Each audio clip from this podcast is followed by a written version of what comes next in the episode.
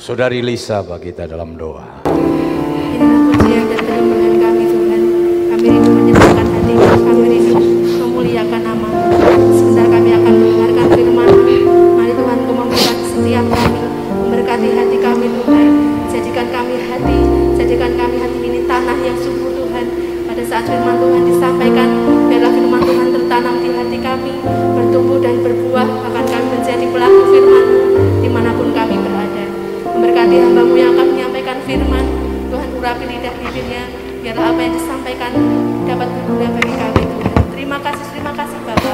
Kami siap mendengarkan firman Di dalam nama Tuhan Yesus Kristus, Tuhan dan Juru Selamat kami. Haleluya. Amin. Amin. Puji Tuhan. Silakan duduk. Selamat pagi. Bapak Ibu Saudara bersuka cita.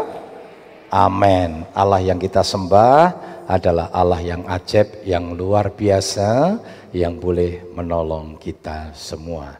Kita terus bersyukur untuk apa yang Tuhan kerjakan dalam hidup kita ya. Puji Tuhan, sebelum nanti kita akan menikmati perjamuan yang kudus, kita akan bersama-sama menikmati kebenaran firman Tuhan. Ya, beberapa minggu ke depan kita akan belajar kebenaran firman Tuhan tentang karakter Kristus. Beberapa tahun yang lalu saya sempat sampaikan ini, saya rindu kita mengulang kembali, merefresh kembali kebenaran firman Tuhan. Ya, apalagi banyak jemaat-jemaat yang baru Saudara ya. Kita akan menikmati kembali kebenaran firman Tuhan. Kita lihat sama-sama di dalam Filipi 2 ayat yang kelima. Filipi 2 ayat yang kelima, saya undang kita bangkit berdiri bersama-sama. Kita akan membaca ayat ini bersama-sama. Filipi 2 ayat yang kelima. Dua, tiga. Hendaklah kamu dalam hidupmu bersama menaruh pikiran dan perasaan yang terdapat juga dalam Kristus Yesus. Puji Tuhan, silakan duduk. Bapak Saudara, inilah yang menjadi goal hidup kita sebagai pengikut Kristus. Ya, kata Kristen disebutkan di Antioquia pertama kali memiliki pengertian pengikut Kristus. Kalau kita bicara tentang pengikut berarti biasanya pengikut itu akan meneladani, mengikuti apa yang diikutinya. Ya, jadi kalau Kristen berarti yang kita ikuti Kristus. Dan biarlah Kristuslah yang menjadi goal kita, menjadi uh, teladan kita. Ya, Paulus berkata, "Ikutilah teladanku karena aku mengikuti teladan Kristus." Ya, karena aku mengikuti teladan Kristus. Sebagai orang Kristen, hidup kita harus memiliki kesamaan dengan Yesus Kristus. Coba kita lihat sama-sama di dalam Filipi 4 ayat yang ke-8 hingga yang ke-9. Filipi 4 ayat 8 dan 9. Jadi akhirnya saudara-saudara, semua yang benar, semua yang mulia, semua yang adil, semua yang suci, semua yang manis, semua yang sedap didengar, semua yang disebut kebajikan dan patut dipuji, pikirkanlah semuanya itu dan apa yang telah kamu pelajari, dan apa yang telah kamu terima, dan apa yang telah kamu dengar, dan apa yang telah kamu lihat padaku, lakukanlah itu. Maka Allah sumber damai sejahtera akan menyertai kamu. Iya, dikatakan di sini. Jadi semua yang benar, semua yang mulia, semua yang adil, ini adalah karakter Kristus.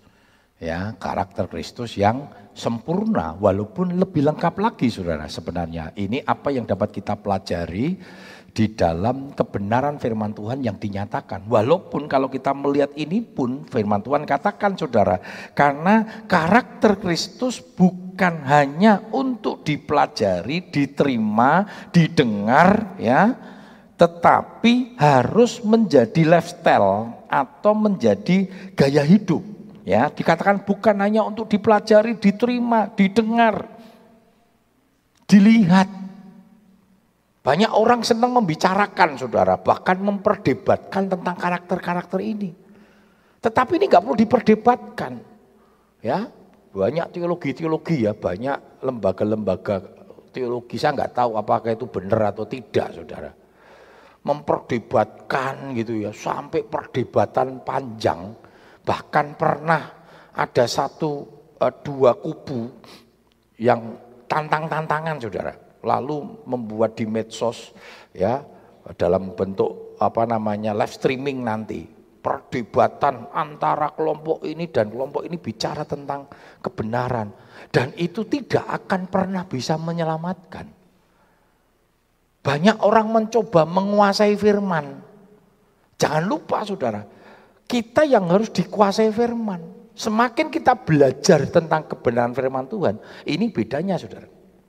Kalau orang dunia sekuler semakin belajar S1, S2, S3, S4, semakin kelihatannya pinter.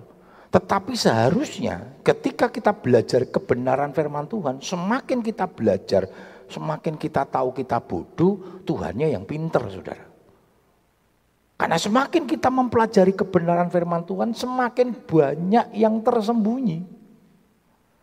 Maka firman Tuhan katakan, apa yang kau pelajari, apa yang kau lihat, firman Tuhan yang kita dengar, saya tidak tahu sudah berapa ribu firman yang kita dengar. Dikatakan di situ apa dikatakan? Itu harus dilakukan menjadi gaya hidup kita, menjadi lifestyle kita.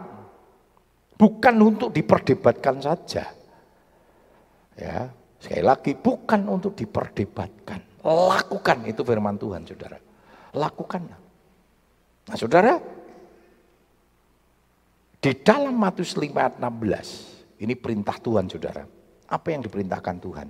Tuhan mau setiap anak-anak Tuhan itu menjadi terang. Coba kita lihat di dalam Matius 5 ayat 16. Matius 5 ayat yang ke-16. Demikianlah hendaknya terangmu bercahaya di depan orang, supaya mereka melihat perbuatanmu yang baik dan memuliakan Bapamu yang di surga. Ini yang seperti dikatakan di dalam Filipi 5 tadi. Apa yang kamu lihat, apa yang kamu dengar, apa yang kamu pelajari, lakukan itu. Ya, firman Tuhan katakan hendaknya terangmu bercahaya di depan orang supaya mereka melihat perbuatanmu. Perbuatan kita berdasarkan kebenaran firman Tuhan. Perbuatan kita berdasarkan karakter Kristus yang sudah diteladankan kepada kita. Firman Tuhan katakan kalau kita bercermin, ya digambarkan seperti saudara. Sekarang ini samar-samar kita melihat wajah Yesus. Di kitab yang lain di Korintus juga dikatakan bahwa kita ini seperti surat yang terbuka.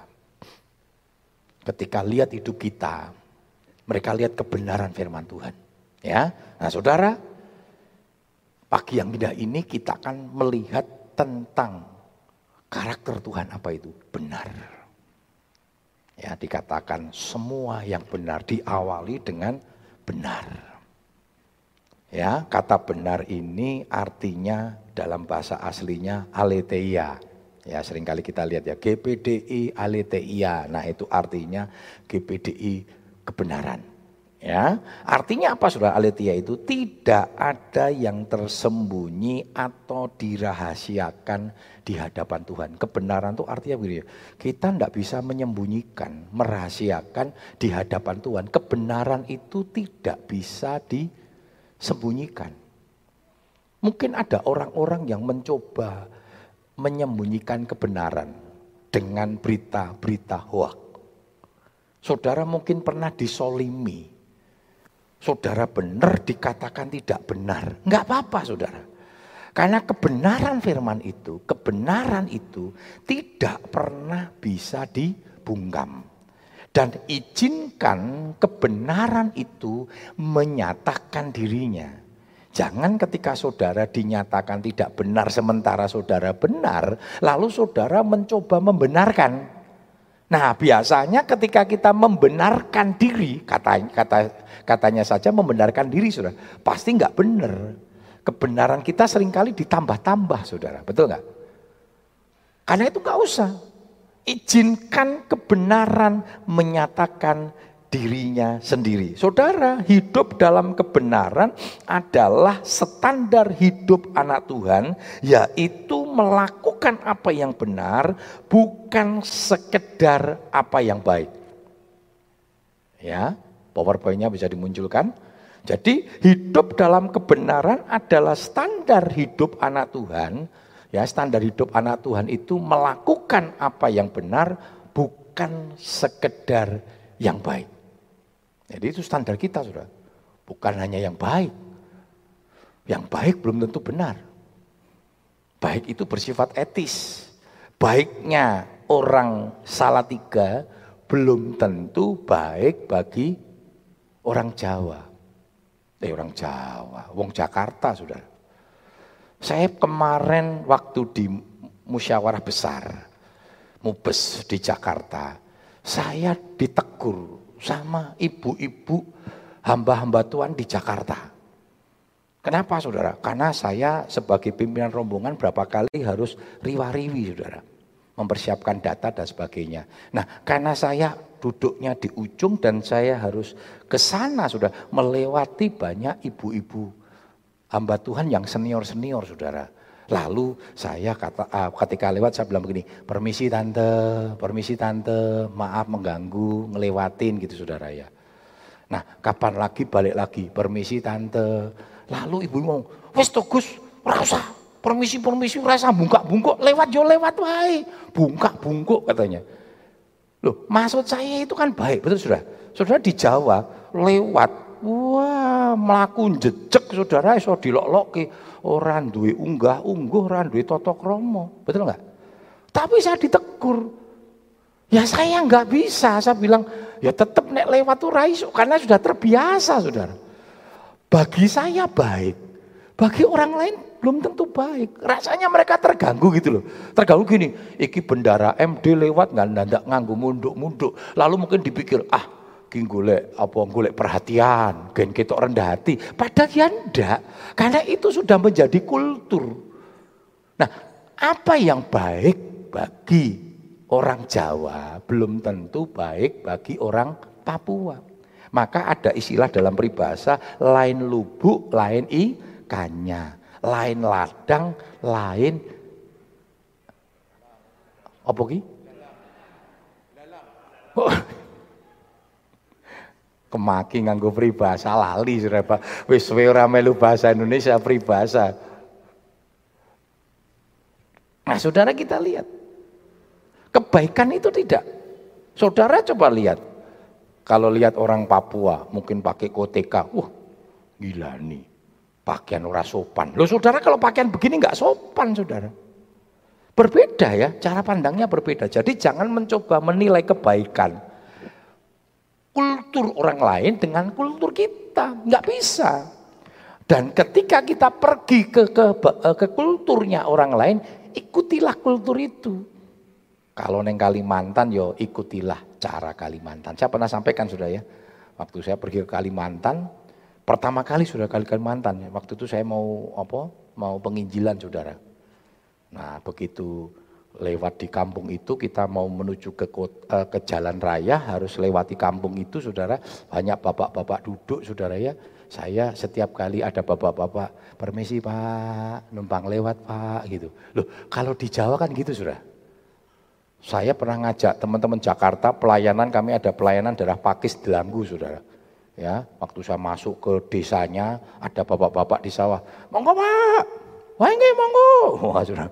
Terus Orang Jakarta ngomong gini, hebat ya Gus yo, kowe kenal kabeh. Kamu kenal? Enggak. Lah kok mau ngono Lah itulah di Jawa, betul nggak Saudara? Saudara berani di Jawa lewat lundur wae saudara. Oh, so diajar uang Saudara. Mereka berbingung. Lah, orang kenal tuh mbok ngono dan di sana kita akrab. Itulah kultur. Makanya kita harus tahu kultur. Nah, saya samakan itu ketika di Kalimantan, Saudara. Misi Pak, numpang lewat. Bukannya disauti, dipelototin saudara. Menteleng kabeh. Nah sampai di ujung saya ngomong sama teman saya, kebetulan teman saya salah satunya itu orang Kalimantan. Saya mau gini, wong Kalimantan sombong-sombong. Saya bilang, lo iso sombong? Lah tadi saya sapa. Terus teman saya Kalimantan begini, bukan orang Kalimantan sombong, kamu sok katanya. Loh, kok sok? Di Kalimantan kamu orang baru jangan sok-sok akrab. Mereka yang harus tegur kamu, bukan kamu yang sok-sok akrab begitu. Lah, itu meneh saudara. Itulah kebaikan. Kebaikan di satu tempat belum tentu kebaikan itu bisa diterapkan kepada tempat lain. Tetapi kalau kebenaran nggak bisa, saudara. Kebenaran di satu tempat dengan kebenaran di tempat lain sama standarnya. Kebenaran orang Indonesia dengan kebenaran orang Amerika standarnya sama. Kebenaran, saudara. Yang namanya bersinah itu dosa di Indonesia. Di Amerika dosa saudara. Loh kok banyak yang melakukan? Lah itu karena kebiadaban. Karena kedegilan hati saudara. Tetapi kebenarannya tidak bisa ditoleransikan.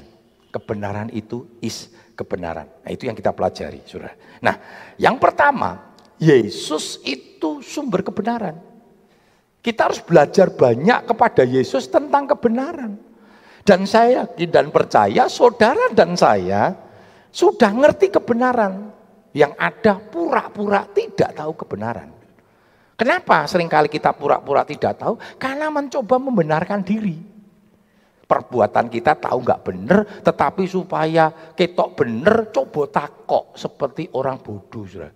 Boleh nggak ya? Om, istri dua boleh enggak yo? Rasa takut saudara, kue ngerti jawabannya. Mosok kebenaran firman Tuhan enggak ngerti. Tetapi sering kali kita pura-pura. Nah, Yesus itu sumber kebenaran. Yohanes 14 ayat yang ke-6. Yohanes 14 ayat yang ke-6. Kata Yesus kepadanya, Akulah jalan dan kebenaran dan hidup. Tidak ada seorang pun yang datang kepada Bapa kalau tidak melalui aku. Perhatikan saudara, Yesuslah jalan. Banyak jalan menuju rumah. Tetapi hanya satu jalan menuju surga. Kisah katakan apa? Kisah Rasul 4 ayat 12. Tidak ada di kolong langit ini yang olehnya dia diselamatkan kecuali di dalam nama Tuhan Yesus Kristus dan itu kebenaran. Dan itu kebenaran. Dan tidak ada kebenaran di dunia yang berani menyatakan dirinya, akulah jalan, akulah kebenaran, dan akulah hidup. Gak ada, hanya Yesus. Kenapa? Yesus Tuhan. Dan dia memang jalan dan dia adalah kebenaran. Makanya Yesus tidak pernah bisa diadili dengan hukum-hukum dunia, saudara hukum sekuler, bahkan hukum agama, saudara. Yesus nggak pernah bisa dihakimi. Masih ingat ketika Yesus mau dibawa ke jalan Via Dolorosa, ke Golgota, diadili di mahkamah agama. Secara hukum Taurat, saudara. Lolos. Saudara kalau diadili dengan hukum firman Tuhan, kira-kira lolos nggak saudara? Banyak nggak lolosnya diadili dengan hukum pemerintahan, hukum negara, negara Romawi. Dibawalah ke Pilatus. Pilatus sampai ngomong gini kan, kau membawa kepadaku orang yang tidak bersalah. Masa aku harus menghukum orang yang tidak bersalah? Ya, menghindar saudara, menghindar dari tanggung jawab. Karena memang dia nggak bisa saudara. Pilatus mau menghukum Yesus berat. Secara moral berat orang bersalah kok. Bawa Herodes ya karena Yesus itu orang Yahudi. Nah, Herodes itu pemerintahan yang dibentuk oleh Romawi untuk memerintah orang-orang Israel di bawah pemerintahan Romawi dengan hukum campuran, saudara. Herodes pun nggak bisa menemukan kesalahan. Sampai dibawa lagi Pilatus. Pilatus pengen membebaskan, dihajar weh sampai setengah mati, saudara. Yesus dihajar, saudara. Nah Pilatus berpikirnya dihajar mesaki. Sudahlah, wis kaya ngono kok bisa jaluk dihukum salib. Tapi kita lihat, wow, semakin beringas mereka. Mikir lagi Pilatus, bicaranya membebaskan. Sandingkan dengan Barabas penjahat kelas kakap. Mereka kan berpikir, oh, iki kelas kakap loh, iki ora salah loh. Secara nalar, secara logika sehat saudara, akan berpikir bebaskan Yesus. Oh enggak saudara. Salibkan Yesus, bebaskan para Saya enggak tahu saudara. Hatinya Yesus ini kira-kira saudara yang ngopo saudara. Saudara mengagik di rasanya elek, weh keloro-loro, kepati-pati saudara rasanya. Yesus diperlakukan, bayangin saudara. Orang yang belo. Di mana orang-orang yang sudah menikmati kasih karunia Tuhan. Tapi Yesus harus lakukan itu. Sebab dia kebenaran. Ya kebenaran. Walaupun kebenaran itu mau dibungkam, mau ditutupi nggak bisa. Akhirnya kebenaran itu kan muncul, saudara. Ya. Jadi sumber kebenaran apa? Yesus, saudara.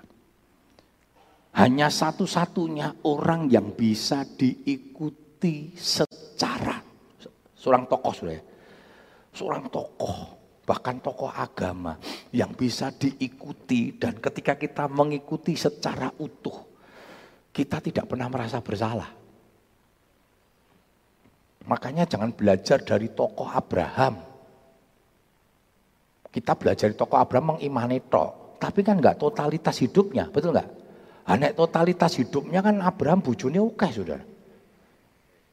Banyak sikap-sikap Abraham yang tidak benar secara kebenaran firman Tuhan. Ingat ketika dia mengusir Hagar. Kita masih ingat ya. Kan gak betul saudara. Tapi dilakukan. Tapi coba Yesus, ada enggak kesalahannya? Gak ada saudara.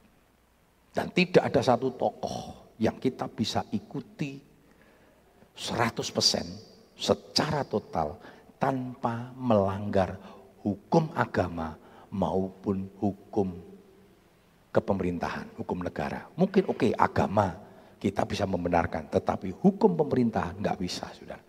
Tapi kekristenan kita, ajaran Yesus tidak melanggar hukum agama, tidak melanggar hukum negara. Kenapa? Karena dia kebenaran. Yang kedua, firman Tuhan sumber kebenaran. Ya, kita nggak bisa berjumpa dengan Yesus. Kita hanya menikmati ajarannya. Ajarannya melalui kebenaran firman Tuhan. Makanya Alkitab adalah penyataan Allah yang tertulis.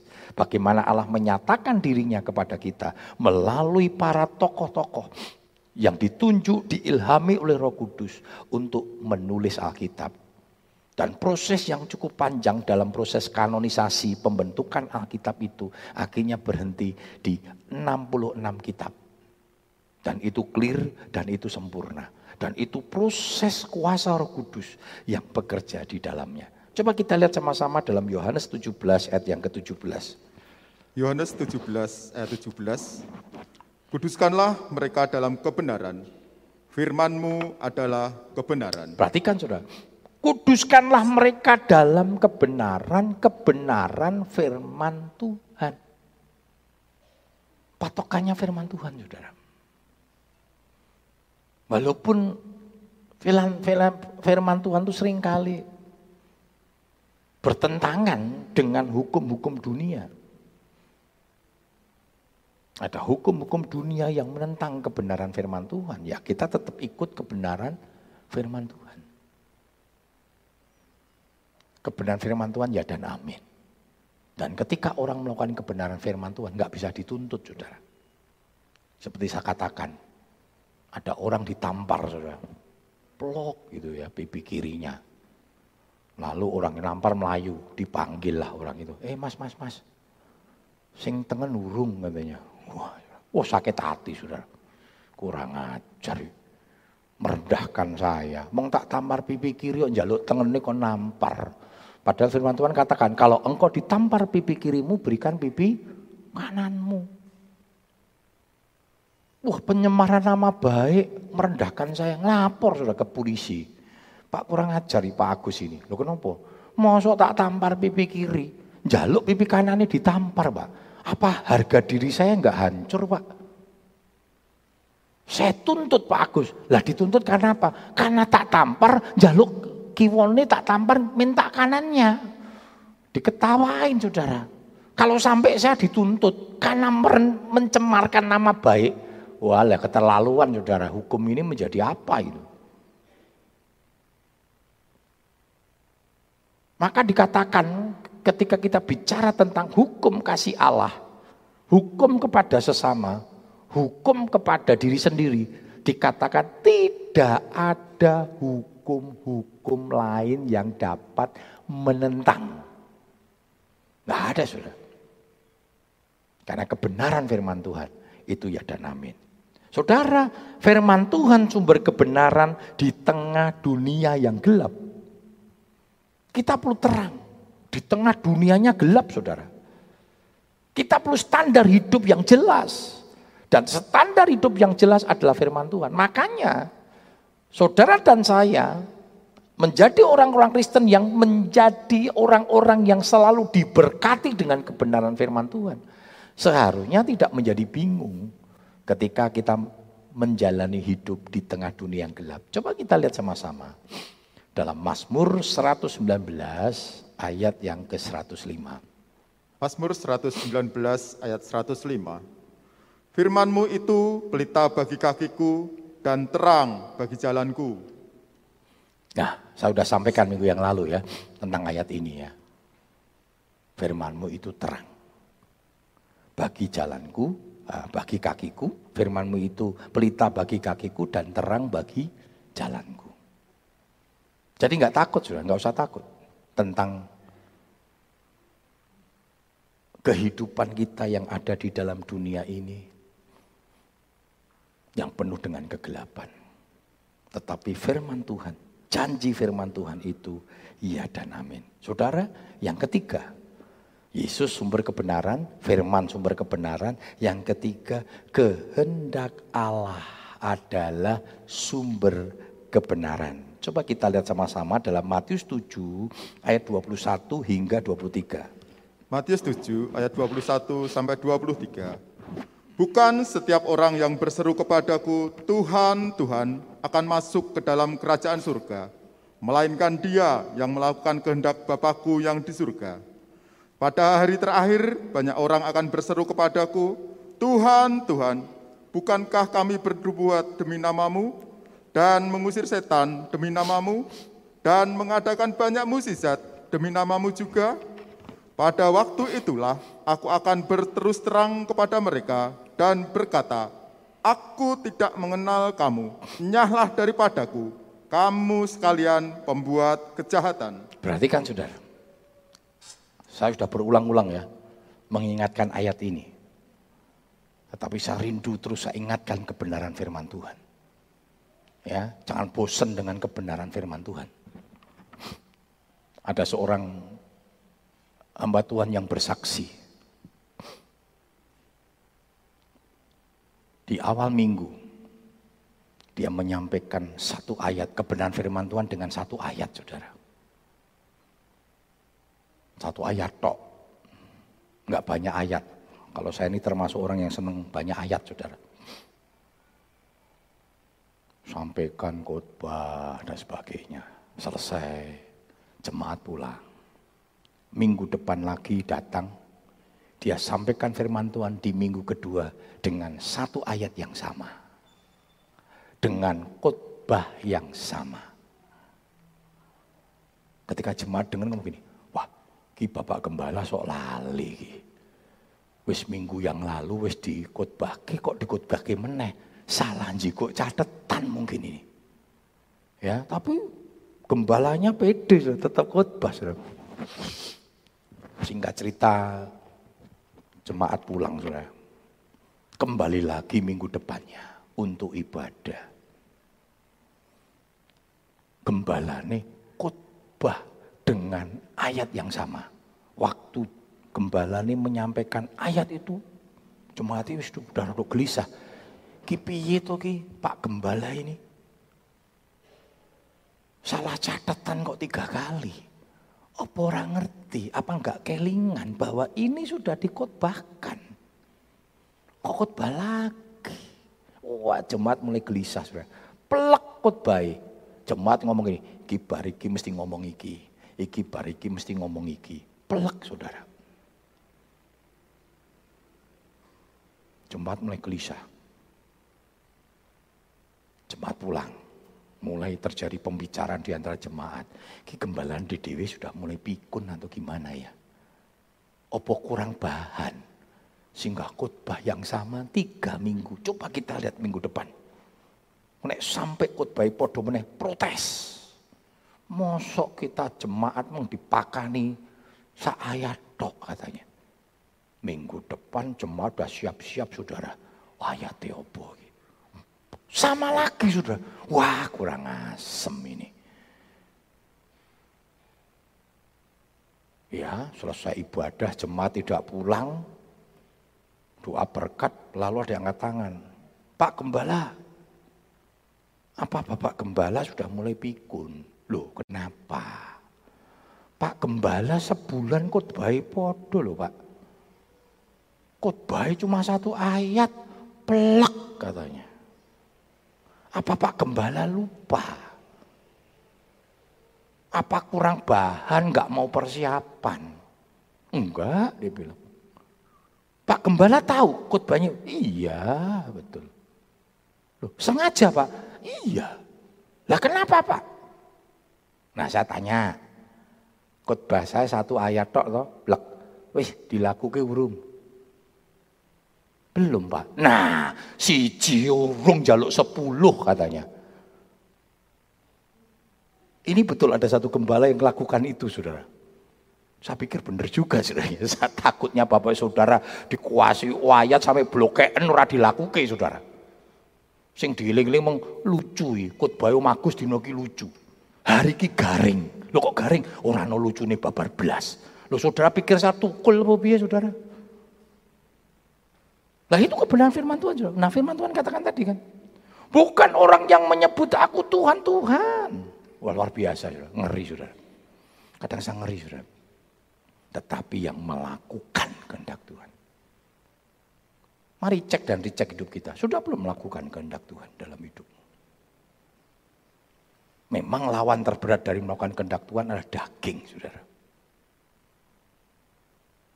Sampai orang ini protes. Tuhan, aku nggak mau cuma menyebut nama Tuhan, Tuhan loh. Aku mengusir setan demi namamu. Mengadakan mujizat demi namamu. Bernubuat demi namamu. Wah, luar biasa. Saudara. Ini model-model gereja yang ramai saudara.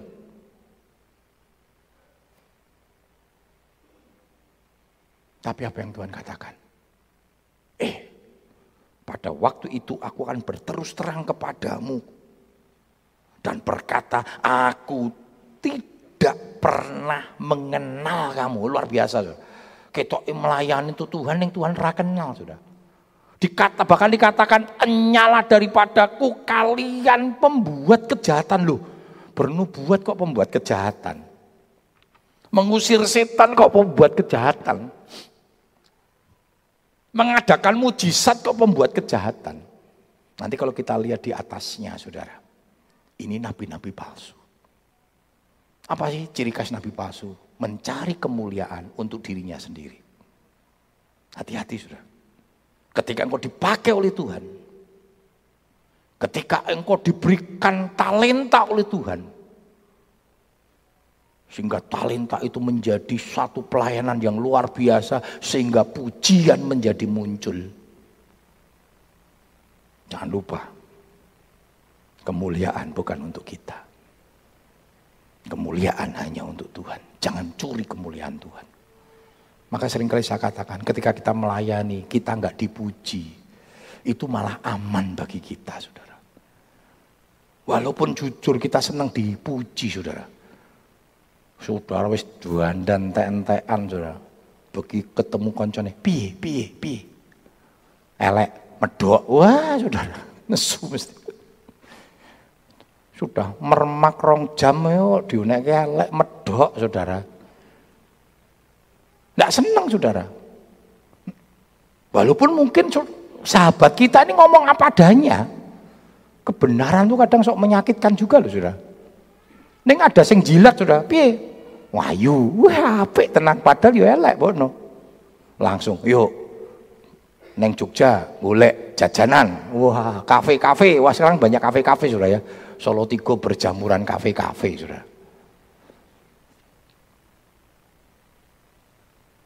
Lakukan kehendak Tuhan. Tuhan katakan itu kan ketika berdoa. Bapak, jika lo boleh cawan ini lalu daripadaku.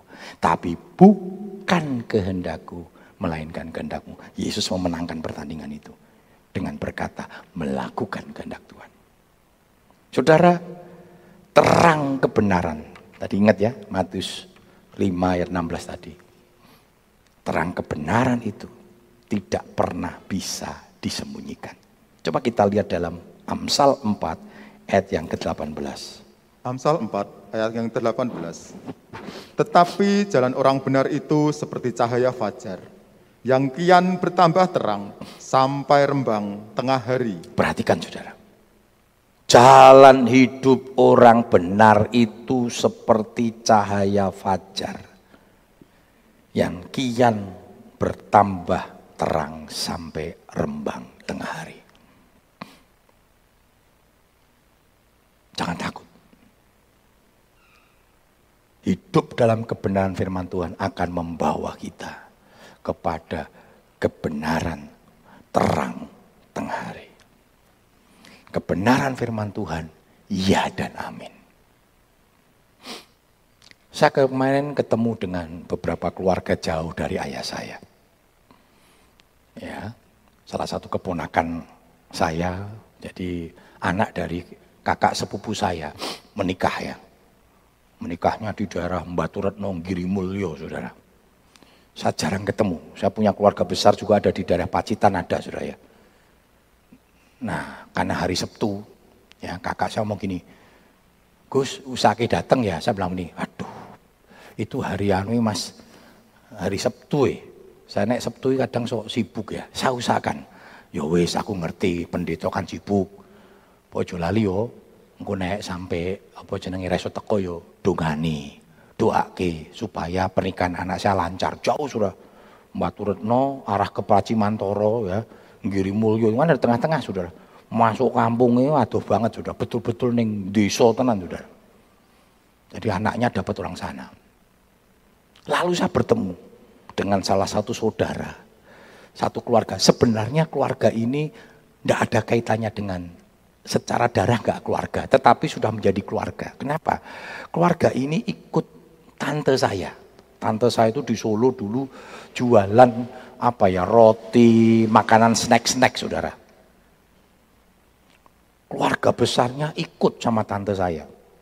Wana anak emelu saudara. Dan tante saya gualai luar biasa saudara. Walaupun diupeni ya anak-anaknya disekolahkan. Jadi karena ini janda, ndak punya suami, jadi ikut sama tante saya.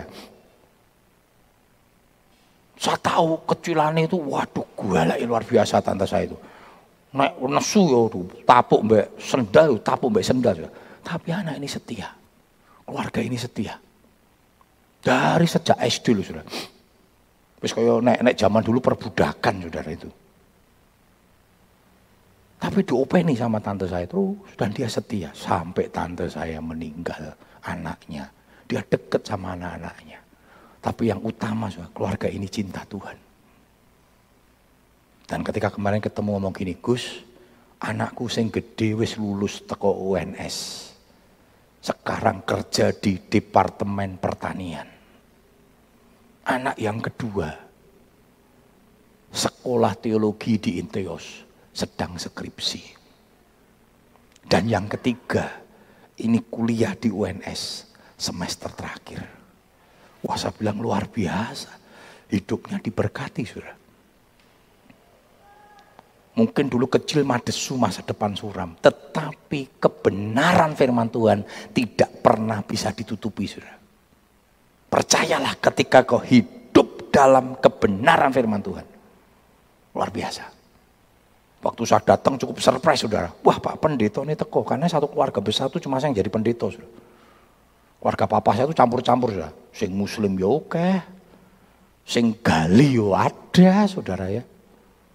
Tapi walaupun gali preman sudah ketemu pendeta ya pekewo saudara. Apa yang mau saya lihat, saudara? Kebenaran firman Tuhan itu akan memancarkan kebenarannya. Jangan takut, saudara. Hari ini kita belajar tentang hidup dalam kebenaran karakter Kristus. Dan hidupnya Yesus ada dalam kebenaran. Karena itu mari kita hidup dalam kebenaran. Yesus menjadi sumber, firman menjadi sumber, kehendak Allah menjadi sumber. Puji Tuhan. Dan kebenaran itu sudah menyelamatkan kita. Bapak Aci bagi kita dalam doa.